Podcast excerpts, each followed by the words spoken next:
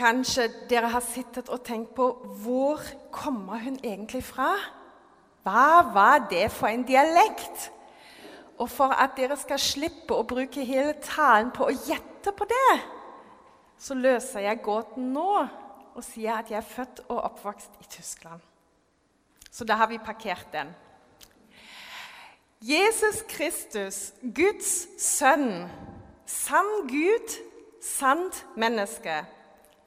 Messias, snekkersønn fra Nasaret. En helbreder, en profet. Jesus Kristus, den korsfestede og oppstandende. Men har du tenkt på dette her? Jesus et friluftsmenneske. Jesus datidens Lars Monsen. Har du tenkt på det? At han var det? Sprek og sporty? En ivrig og dedikert turgåer? En friskus? Det var det han var. Han gikk og gikk. Nesten som man skulle tro han var norsk. Så mye han var ute og på tur. Manglet bare Kvikk Lunsj, appelsin og en termos med kakao i berganssekken. Så hadde han glidd rett inn i det norske samfunnet av glade turgåere. Jesus var ikke den som satt inne, holdt seg innafor den lukkede kretsen av sine nærmeste disiplene. Han gjemte seg heller ikke bak de tjukke og trygge murer for å grave seg ned i Skriftene eller diskutere teologiske spissfindigheter med presteskapet. Jesus var ute da folk var, da det skjedde. Jesus var tidenes første gateprest. Noen har regnet på det, og ut fra historiske og bibelske informasjoner har de kommet fram til at Jesus har gått gjennomsnittlig 40 km hver dag.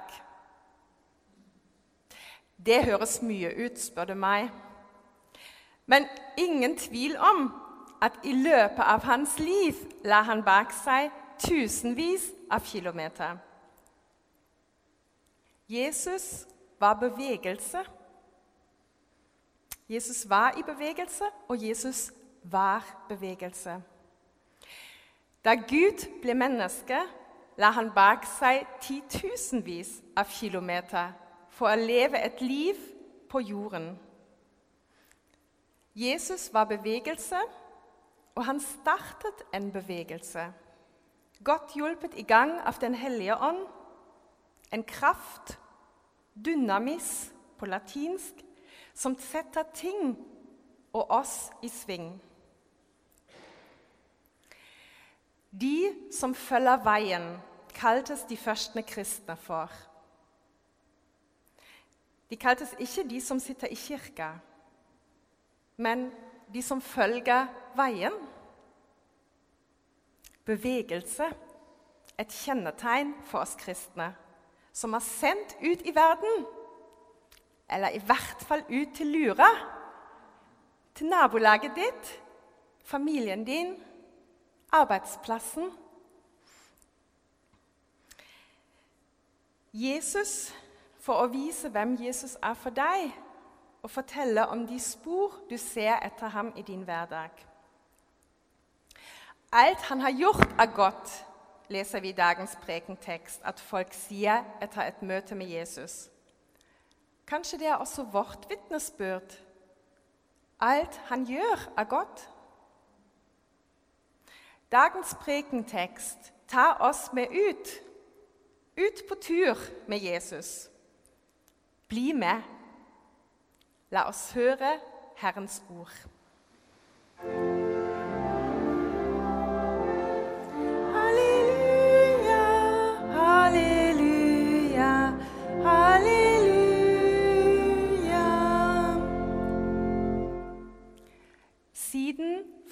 Jesus Tyros-området igjen. Han tok veien om Sidon og dro mot Galileasjøen gjennom Dekapolis-landet. De førte til ham en mann som var døv og hadde vondt for å tale. Og de ba ham legge hendene på ham. Jesus tok ham med seg bort fra mengden. Han stakk fingrene i ørene på ham, tok spytt og berørte hans tunge. Så løftet han blikket mot himmelen og sukket 'Effata, lukk deg opp'.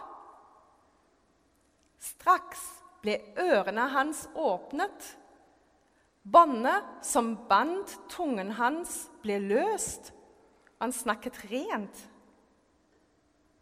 Jesus forbød dem å fortelle dette til noen.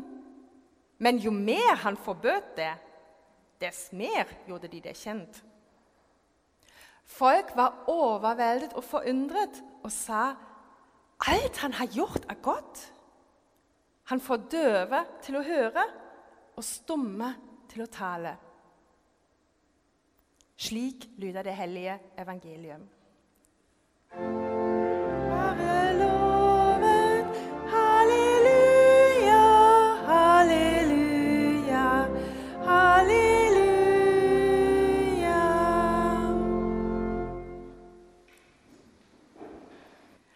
I hele Det nye testamentet så leser vi ca. om 30 under som Jesus utrettet.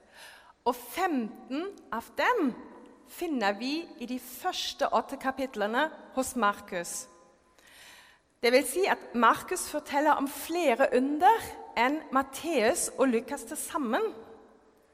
Det virker som han er spesielt interessert i de. Under er viktig for Markus. La oss tre inn i teksten, og vi får opp et kart på skjermen her. Åh, Jeg håper dere kan se det. Ser dere noe, eller? Ja, litt vanskelig. Jesus på tur. På støvete landveier. På smale stier. Langs kysten. Sjølufta i nesa. Jesus på tur gjennom kupert terreng i stekende sol. Jesus på tur, for ikke si på omveier og avveier. Fra Tyrus Og jeg skal prøve å peke på dere, for dere på dette her. Skal vi se hvor vi er hen? Jeg ser det heller ikke. I hvert fall, han er ganske langt sør. Og så går han opp nordover mot Sidon.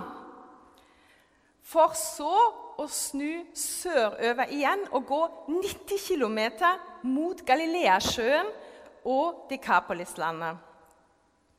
En bra treningsøkt, men mye mer enn det. Jesus går på denne turen ut av hans komfortsone. Han krysser grensa for det som anses som akseptabelt. Dekapolis var en gruppe på ti byer. Og de ti byene var en smeltedigel av forskjellige kulturer med et sterkt innslag av gresk og romersk kultur.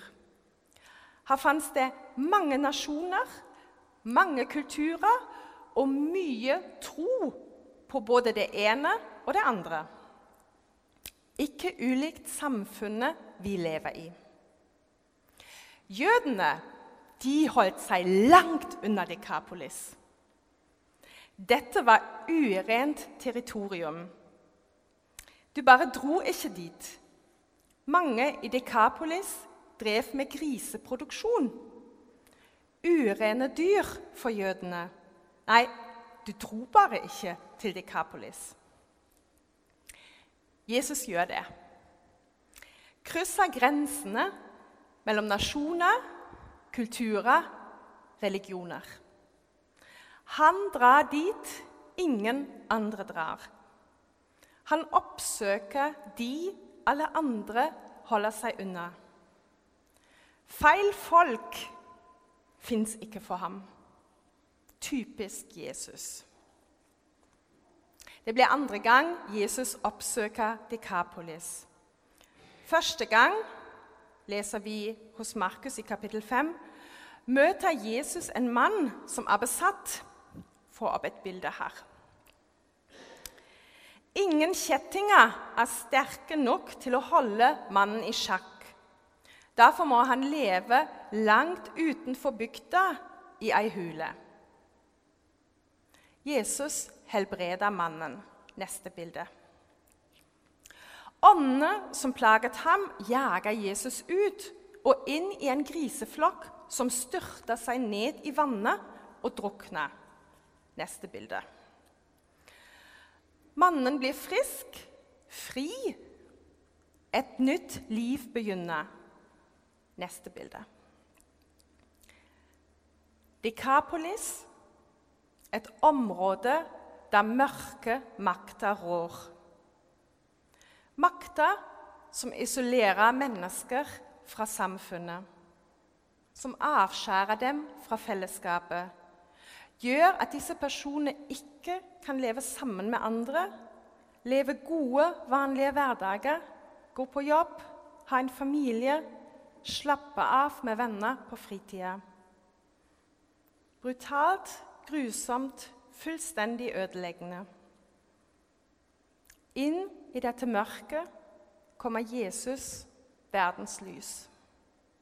Han kaller den besatte ut av sitt isolat, inn i fellesskapet med andre mennesker og med Gud. Jesus gir ham et nytt liv, fra isolasjon til fellesskap. Slik var det første gang Jesus besøkte Dekapolis. Nå er han tilbake. I mellomtida har det sikkert gått gjetord om den oppsiktsvekkende helbredelsen av den besatte, og om griseflokken som styrtet ned i vannet og druknet. En sensasjon som har vært på alles lepper, som ingen har gått glipp av. Nå er denne Jesus tilbake. Få se hva han finner på denne gangen. Noen fører en mann til Jesus. En døve mann med talevansker. Bilde. Igjen en person som ikke har mulighet til å delta i fellesskapet. I hvert fall ikke i datidens fellesskap. Kommunikasjon med ham og omgivelsen er brutt. Mannen klarer ikke å høre hva de andre sier, og selv klarer han ikke å videreformidle noe til andre. Isolasjon, ensomhet. Noen tar mannen med til Jesus. De ber Jesus om å legge hendene på ham. De ber om en helbredende berøring som gjør kroppen hel, tunga ørene, men like mye sjelen, psyken og de sårene som ensomheten har etterlatt. Slik har Jesus mange ganger lagt hendene på folk for å helbrede, for å velsigne.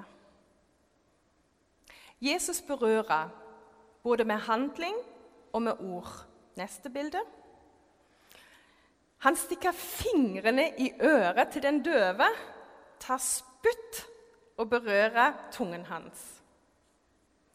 Så løfter han blikket mot himmelen, sukker og sier til mannen, og kanskje like mye til folk rundt ham, Effata, lukk deg opp. Et ord med skaperkraft, som Guds ord alltid har og har hatt siden ordene 'bli lys' lød. Ord som fremkaller liv. Ord som gjør en forskjell, som skiller lys fra mørke. Egentlig skulle ordet 'effata', 'lukk deg opp', stått her tre ganger.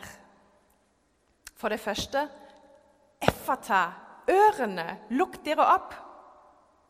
Straks blir ørene hans åpnet et under. For det andre effata, bånd som binder tunga. Lukk deg opp. Straks blir båndet som bandt tunga hans, løst, og han snakket rent. Et under. Og for det tredje Effata, hjertene, lukk dere opp! Og hjertene lukker seg opp. Et under. Folk er overveldet og forundret og sier om Jesus alt han har gjort, er godt. Han får døve til å høre og stumme til å tale. Neste bilde. Og vi kunne tilføye og han får lukkede hjertet til å åpne seg. Folk feirer denne helbredelsen. Det er ingen som står og surmuler. Sånn skjer bare de andre, aldri meg. Eller noe i den duren der. Det er sikkert fordi presteskapet er langt unna at vi ikke leser noe om den type surmuling og misunnelse. Bare glede over Guds godhet. Ren og skjær hallelujastemning. Alt han har gjort, er godt. Igjen en gjenklang fra skapelsesberetningen i første Mosebok. Gud så på alt han hadde gjort, og se, det var svært godt. Alle tre bibeltekster i dag som vi hørte, har gjenklang i skapelsesfortellingen. For slik som Gud forandret alt da han skapte nytt liv, himmel, jord og alt som fins her, for første gang, slik handler også dagens tekster om endringer og nytt liv. Nye begynnelser, om du vil. Dagens prekentekst forteller om to under. En mann som får hørsel og taleemner tilbake. Det er det første underet. Og det andre mennesker som får øye opp for Jesus og hans godhet. Begge under like store, like utrolige, like umulige for oss mennesker å fikse. Vi klarer verken å fikse sykdom på stående fot, og vi klarer heller ikke å fikse eller skape tro hos oss eller hos noen andre. Neste bilde.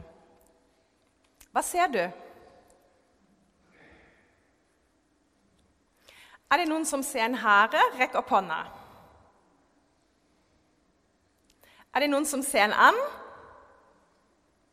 Er det noen som ser begge deler? Det var noen.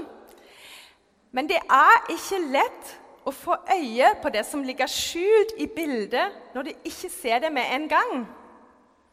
Du kan ikke tvinge deg eller få deg til å plutselig se det. Nå skal jeg se en hare her. Jeg må bare bestemme meg. Det er ikke slik det funker. Det må si klikk. Det må en aha-opplevelse til. Kanskje du trenger hjelp av en person som ser, som må peke på deg, peke for deg, eller fargelegge bildet for deg, slik at du klarer å få øye på det skjulte bildet. Slik er det også med troen, med å se Guds godhet i våre liv. Det må si klikk. Det må en aha-opplevelse til, som bare Den hellige ånd kan gi. Et under. Jesus var i bevegelse, og han bevegde og beveger folk. Dagens tur med Jesus inspirerer meg og utfordrer meg. Tre punkter til slutt. For det første Jeg blir inspirert av folk som oppriktig gleder seg over at mannen har blitt frisk. Som gleder seg over Guds velsignelser at, han, at Gud gjør gode ting i andre sine liv. I stedet for å sammenligne, meg, sammenligne meg med andre, det jeg har, det de har, det jeg får til, det de andre får til, vil jeg heller glede meg, slenge ut et halleluja selv om det sitter langt inne for en lutheraner. Det første gleder seg over Guds velsignelse i andre sine liv. For det andre vil jeg be Den hellige ånd om å åpne mine øyne overfor alle de små og store under og velsignelser i mitt eget liv. Jeg vil øve meg i å se etter Guds godhet i mitt liv, fordi den fins, både i mitt liv, men også i ditt liv. Jeg vil øve meg i takknemlighet. Og for det tredje blir jeg inspirert av de som tar den døve med til Jesus. Det er ikke den eneste gangen Jesus møter mennesker og helbreder dem etter at noen andre har tatt dem med til ham. Hvilke mennesker er jeg sendt til? Hvilke mennesker er du sendt til? Noen i familien? Mine barn? Barnebarn? Mine foreldre? Noen på skolen? På arbeidsplassen? Hvem kan jeg ta med til Jesus? Om det nå skjer i bønn eller ved å invitere til gudstjeneste, et mindre fellesskap eller ved å bare være i lag. Hvem er jeg sendt til? Og hvem er jeg sendt sammen med? For Jesus sender oss som regel ikke alene. Og så slutter dagens tur for meg med et ønske og en bønn om mer halleluja og takknemlighet, om flere øyeåpner, flere hint om hvilke personer jeg er sendt til for å ta med til Jesus. Ære være Faderen og Sønnen og Den hellige ånd som var, er og blir en sann Gud fra evighet og til evighet. Amen.